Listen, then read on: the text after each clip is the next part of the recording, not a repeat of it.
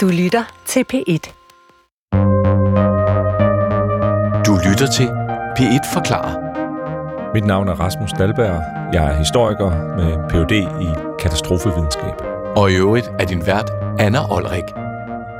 Rasmus, du er jo øh, sådan en master of disaster, en, en, en titel, der... Jeg ved ikke, om der findes en titel meget federe end det.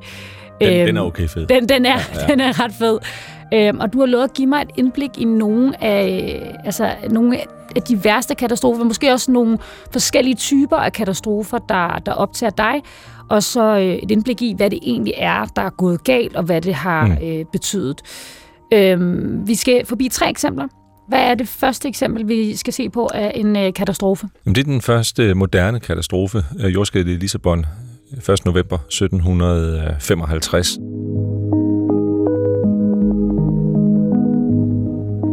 undersøisk øh, jordskæld ude i Atlanterhavet, øh, 20-30 km fra den portugisiske kyst, der udløser øh, voldsomme rystelser og en øh, sådan en jordskældsflodbølge, altså det vi i dag kender som en tsunami med det her japanske ord, ikke? der så skyller ind over den lavt liggende øh, del, øh, centrale del af, af Lissabon. Og så så øh, jordskælder, men det er i virkeligheden mere tsunamien, der er... Ja, det er kombinationen. Ja, kombination, altså både rystelser ja. og så den her flodbølge, der skyller ind over. Så der, der er en 20-30.000 mennesker, der omkommer øh, i Lissabon. Det er en af Europas øh, største og sådan mest florisante øh, øh, hovedsteder på, på det her tidspunkt i, i 1755. Man kalder det den første moderne katastrofe af, af flere årsager. Det var, det var sådan første gang, man for alvor havde en øh, velorganiseret katastrofeindsats. Øhm, øh, altså fra, øh, fra øh, guvernøren øh, dernede, Pombal, som organiserede sådan en øh, effektiv, øh, rimelig effektiv øh, måde at få folk gravet ud af ruinerne og, og den slags på. Ikke? Og så er det også øh, første gang, at man øh, for alvor lærer af katastrofen i stor skala. Vil man for eksempel gå ud bagefter og kigger på, hvad var det for en type af huse, der alle sammen faldt sammen, og hvad var det for en type af huse, der er i, i, øh, i stor stil blev stående. Og så sagde man, hmm, lad os bygge nogle flere af den sidstnævnte slags. Altså bygningsregulativer. Ikke? Man, man, øh, man laver faktisk den første jordskældssikre arkitektur efter øh, Lisbon 1755. Altså i virkeligheden det, man kalder øh, øh, resilient ingeniørkunst. Ikke? Altså som, hvor du i dag, der bygger du jo højhuse øh, i, i øh, øh, San Francisco og i øh, Japan, øh, steder, hvor der er risiko for jordskæld, sådan så de kan bevæge sig. Ja. Ikke? Øh, I stedet for, at øh, de er stive, fordi så vil de bare falde sammen, når der er... Og, og så den man idé i virkeligheden efterligner naturen i lidt. Portugal efter en, en, et jordskæld og en, en øh, stor tsunami. Ja,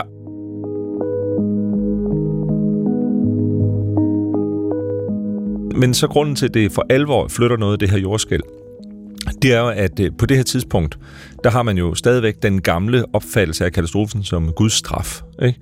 Men så ser man jo på, øh, kan de, var de virkelig alle syndere?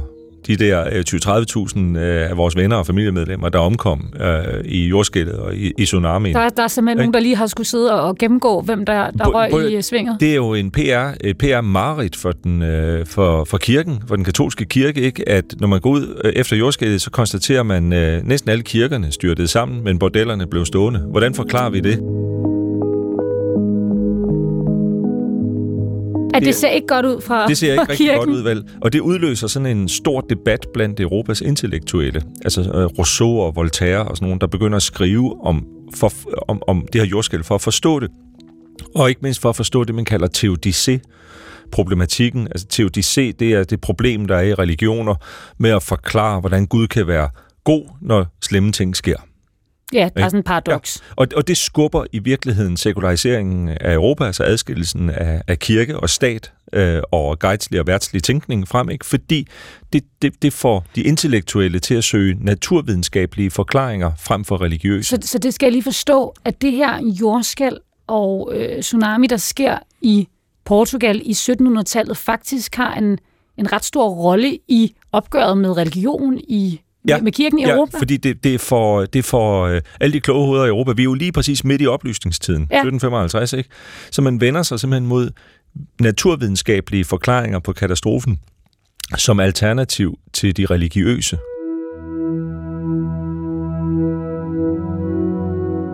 Kant skriver i Vildskab om, øh, om jordskæl ikke? og lægger faktisk der grunden til det, der bliver til det 20. århundredes pladetektoniske videnskab, altså ideen om, at jordskæl opstår på grund af gnidning mellem de her tektoniske plader. Så, så det er, at vi bevæger os fra den gamle religiøse forklaringsramme for katastrofer ind i en ny videnskabelig, moderne forklaringsramme med jordskældet i Lissabon. Vildt. Jeg kan godt forstå, at det er en, øh, at det er en katastrofe, der optager dig i hvert fald. Øh, med, det er sådan den, det store. Det er ja. stunde 0 i katastrofeforskning. Ja, ja, det, ja. det giver mening. Um, lad os hoppe videre til øh, næste katastrofe. Hvor skal vi hen her? Vi skal til Indien. Indien? Bhopal. I, december. Hvor, hvor i tiden er vi? Vi er i 1984. Og hvad er det, der sker her? Kæmpe stor øh, fabrik, Union Carbide, amerikansk øh, koncern, der har et datterselskab i, øh, i Indien, som de har bygget tilbage en, en fabrik derovre i, øh, tilbage i 60'erne. Øh, og øh, der producerer man sprøjtegifte. Og det er noget værre giftigt øh, stas, ikke? Og så er man i gang med at lukke den her fabrik ned, i, øh, i 1984, men man har stadigvæk produktion af det her øh, stof, der hedder Sevin, øh, på øh, det er sådan DDT-agtig sprøjtegift, ikke? Øh, på den her kemiske fabrik.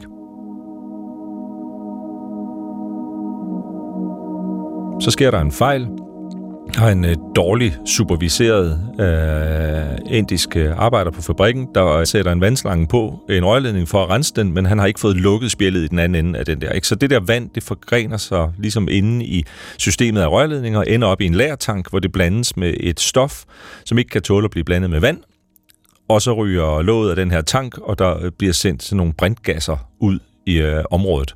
Og det skaber sådan en dødbringende Altså giftsky. i området rundt om fabrikken, ja, så det ryger ja. ud til, til øh, civile... Og det er det, der er problemet, fordi der er sådan en slumkvarter bygget lige uden for fabrikken, hvor alle øh, lavkasteinderne, som arbejder som løstansatte på fabrikken, de bor. Og så kravler den her øh, sky af, af gas så hen over jorden, ud af fabriksområdet, og slår et eller andet sted mellem 8.000 og 20.000 mennesker ihjel. Skal simpelthen forestille dig, hvis du indånder den her gas, så bliver dine lunger opløst. Så den siver simpelthen op ja. i lejligheder og opløst. Ja. Det lyder fuldstændig øh, Ja, det, det, du skal forestille dig sådan en slumby af, ja. af blikskuer lige uden for fabrikken, ikke? Men, øh, men den er, som, som simpelthen, det, folk dør på stedet? Øh, ja, ja du, du, du brækker simpelthen dine lunger op, ikke? Ja. Øh, og, øh, og, og den er, den er interessant, Bhopal, det er jo en frygtelig, frygtelig tragedie, men den er, den er interessant som eksempel på konsekvensen af det, den tyske sociolog Ulrik Bæk kaldte risikosamfundet. Altså at, at øh, med industrisamfundet op i det 20. århundrede, der kom øh, den her idé om, at vi, vi flytter rundt på risici i vores samfund. Ikke? Fordi Union Carbide havde jo produceret den her slags giftstoffer i USA i første halvdel af 20. århundrede. Så kom der skrabe regler efter 2. verdenskrig. Så flyttede de deres produktion til Indien, hvor der ikke var de samme krav til sikkerhed og, øh, og, og så går det galt. Så er man ligesom så den, den rige vestlige så, verden, så man har, altså man har, sine risici til tredje Man har vurderet, at det her skal laves om, fordi det er så øh, farligt og risikofyldt, og så siger man, så rykker vi det hen ja. steder, hvor man ikke endnu har besluttet ja, så flytter risiko ja. øh, steder hen, hvor øh, øh, risiko ikke bliver håndteret helt på samme måde. Ikke? Øh, og, øh, og, og, det, og så er det samtidig også et eksempel på kompleksitet. Altså, du kan næsten se det for dig, sådan en kemisk fabrik, hvor alting er forbundet på kryds og tværs af rørledninger, ikke? Så sker, sker der det, man, man med øh, et fint udtryk vil kalde en systemkonflagration. Altså en fejl, før nævnte arbejder, der sætter en vandslange på det forkerte sted, den spreder sig som, som sådan en kaskadeeffekt ud igennem det her system.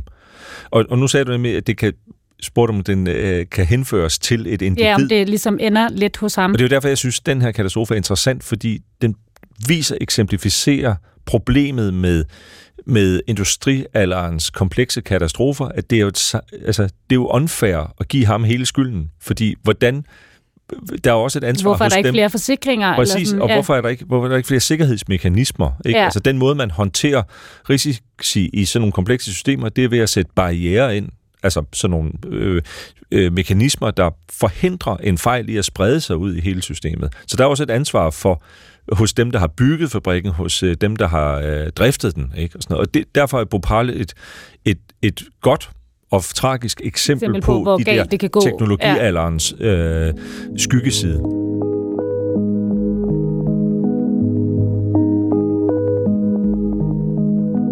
Og hvad, hvad er efterspillet her? Øh, bliver der så lavet nogle, nogle ændringer i regler eller i infrastrukturen? Øh, det er først og fremmest et rigtig, rigtig grimt retsligt øh, efterspil med, ja. med retssager, øh, hvor øh, Union Carbide, som i dag er en del af Dow Chemicals, øh, jo ender med at betale en, øh, en hulenstor erstatning, og meget, meget få øh, af de øh, Man kan ikke forestille sig, at den har været hos, stor nok. ender hos slumbefolkningen. De øh, ender så hos øh, korrupte øh, indiske politikere og hos højt betalte advokater.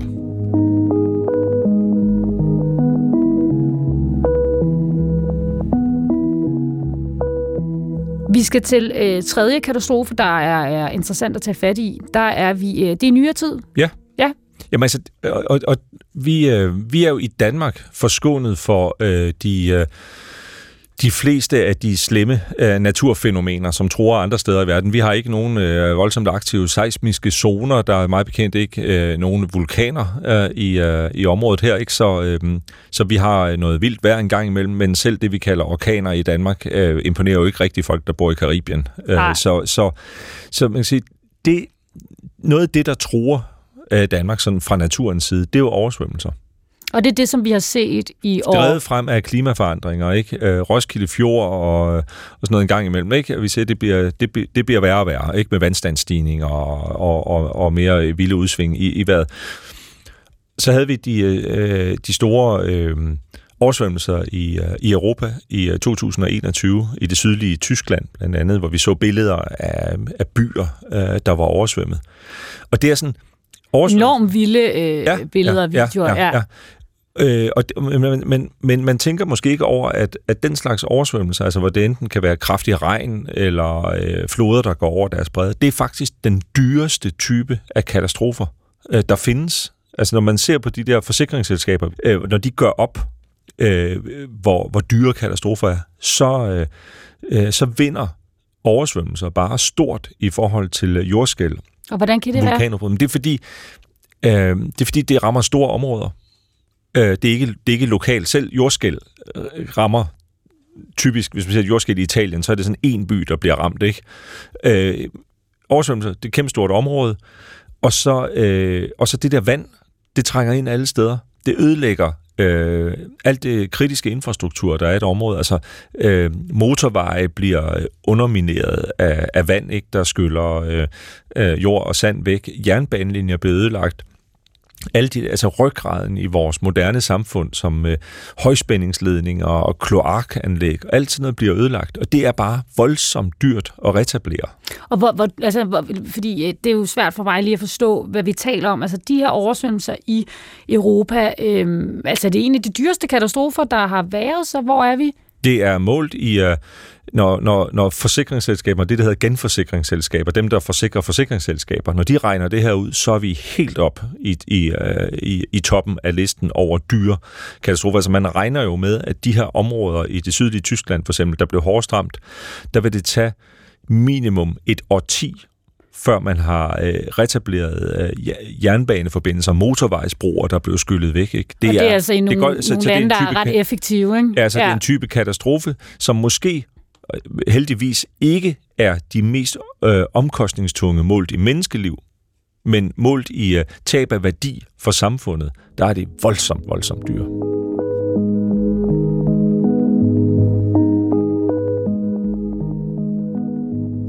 Her tre øh, katastrofer, som jo er øh, vidt forskellige, altså hvordan har de ændret verden?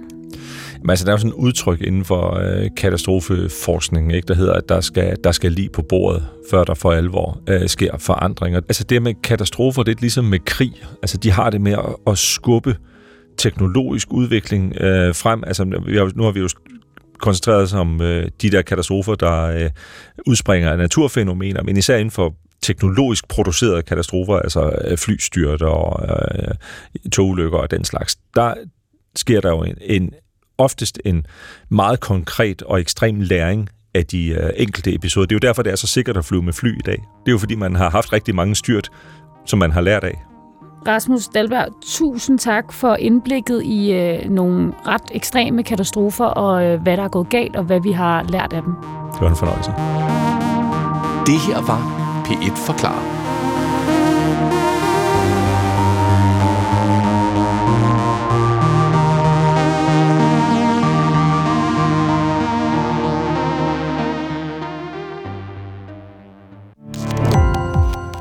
Gå på opdagelse i alle DR's podcast og radioprogrammer. I appen DR Lyd.